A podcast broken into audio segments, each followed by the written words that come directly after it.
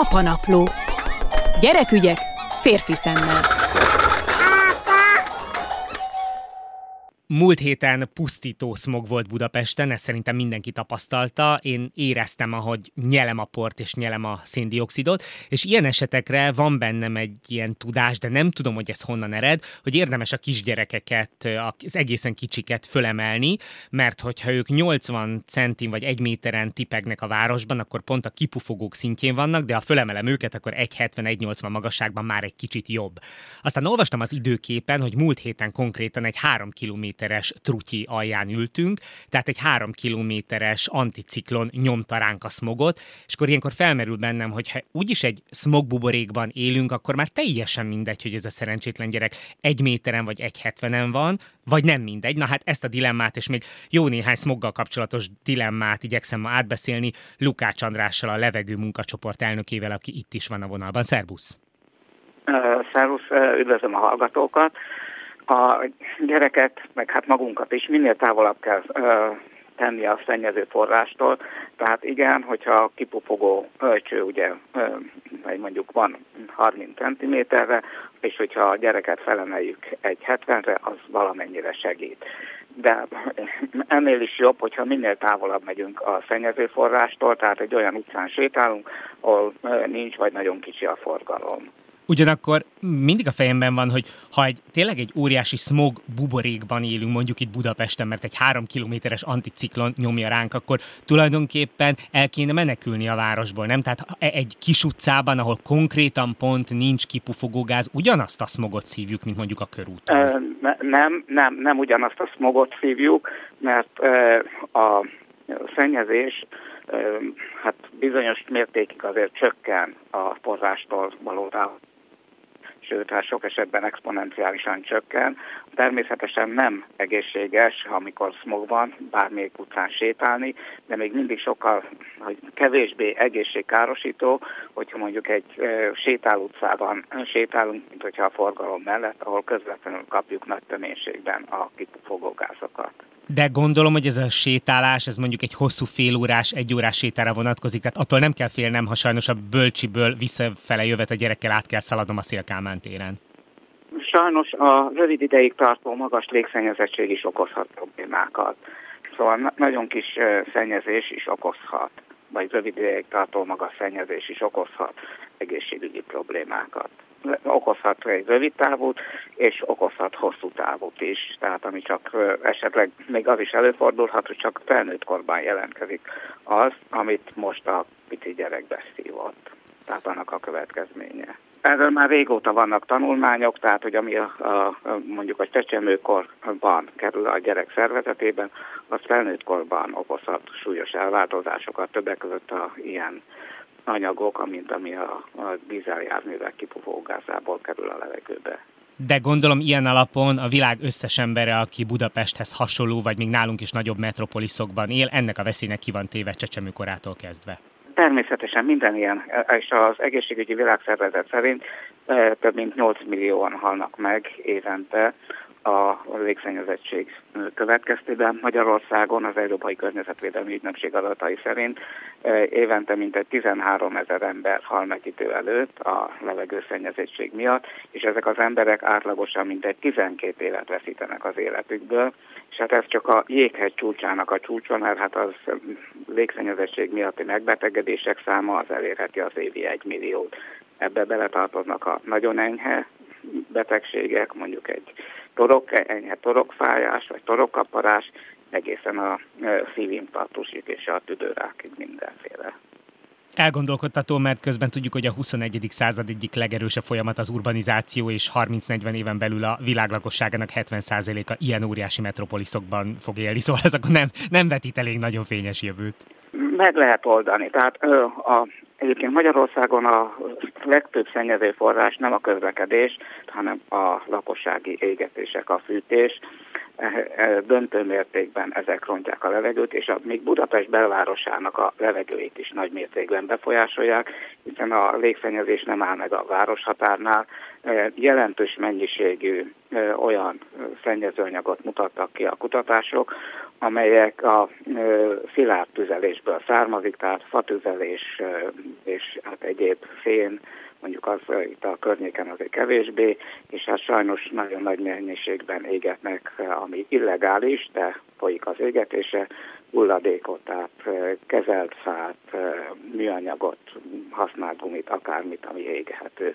Hát ez szigorúan tilos és büntetendő, tehát a jogszabályok szerint komoly büntetést lehet kiszabni ilyen esetekben, de hát sajnos a hatóságok nem nagyon működnek vissza egy kicsit a, a gyerek témára. Azt hallottam szakértőktől, hogy ilyen napokon óvakodjunk attól, hogy a gyerek kin legyen a szabadban, és ha lehet, ne vigyük játszótére sem. De mi például a Városmajorba szoktunk járni délutánonként játszótére, ami egy óriási park közepén van. Ilyen helyre azért lehet vinni még smogban is a gyereket? Hát sajnos a szennyezés oda is eljut, sőt, sajnos ilyen esetekben, tehát amikor tartósan megül a smog, akkor, és nincs szél, akkor ott megül, és nem távozik, mert nem fújja ki semmilyen szél, sőt, talán esetleg még jobban megül, mint egy olyan utcán, ahol van átszellőzés. Tehát sajnos nem, tehát a szennyezett levegő minden, mindenhova elkezd elmegy.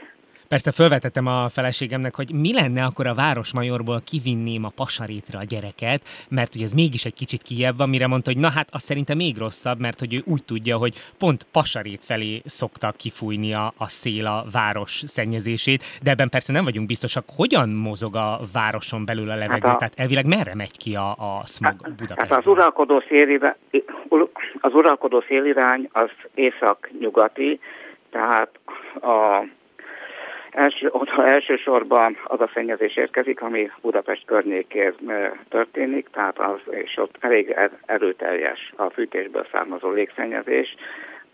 Télen a Budapest környéki települések nagy részén, vagy szinte mindenütt fűtenek szilárd tüzelőanyaggal, és ez a szélcsatornán keresztül bejut pont Budapestre, és pont ugye ott van a szélcsatorna, a, a, tehát azon a területen, Budapest észak-nyugati részén, tehát oda jön be az a szennyezés, amit Budapest környékén mi Budapest környékén keletkezik. Tehát akkor, ha észak-nyugati a széljárás, akkor azt jelenti, hogy ilyen időben mondjuk Szentendre, Pomász, Csobánk és ennek a területnek a szennyezése ér Budapestre, és ezek szerint távozik tovább ilyen Dabas, Kecskemét irányába nagyjából? Igen, pontosan erről van szó, tehát ez a szennyezés ide érkezik, és amint említettem, jelentős mértékben befolyásolja egész Budapest, még a belvárosnak a levegő minőségét is. Tehát egyes kutatások szerint télen akár a szennyezős feléért is felelhet, vagy akár még annál is nagyobb mértékért a Budapest belvárosában az a szennyezés, ami a környező települések fűtéséből, égetéséből jön be.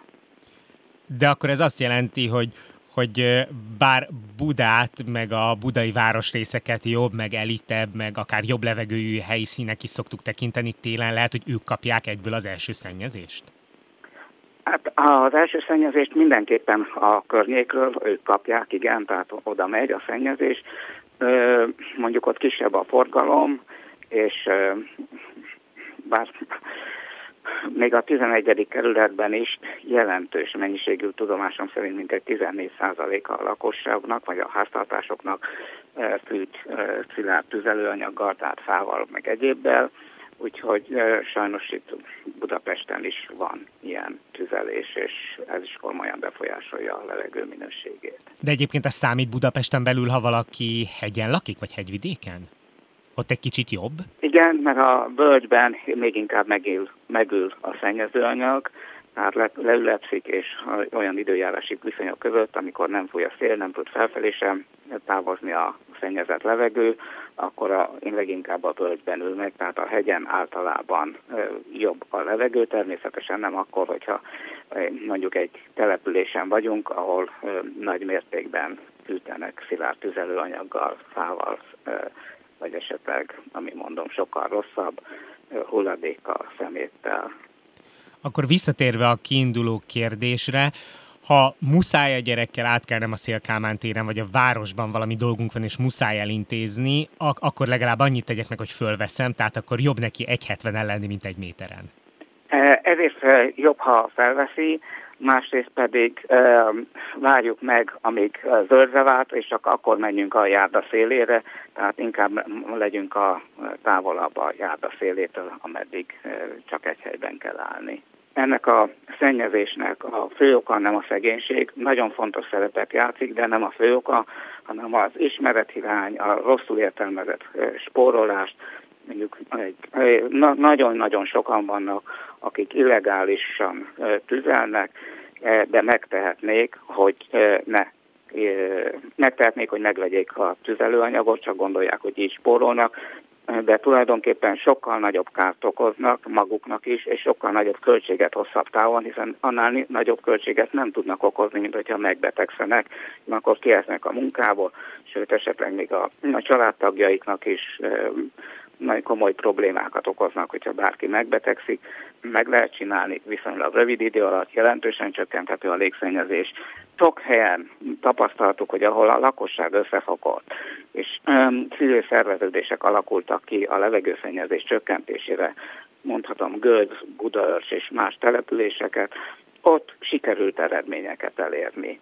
Tehát fogjanak össze az emberek, támogassák azokat a civil szervezeteket, amelyek a légszennyezés csökkentésért küzdenek, és akkor javulni fog a helyzet, a politikusok akkor felébrednek és fognak tenni valamit. Mit tegyünk a smogban a gyerekkel, vagy mit ne tegyünk? Ez volt a mai apanaplónak az alapkérdése. Ezt és egyéb smoggal kapcsolatos dilemmákat beszéltünk át Lukács Andrással, a levegő munkacsoport elnökével. Köszönöm szépen. Én is minden jót viszontalásra. Minden jót viszont.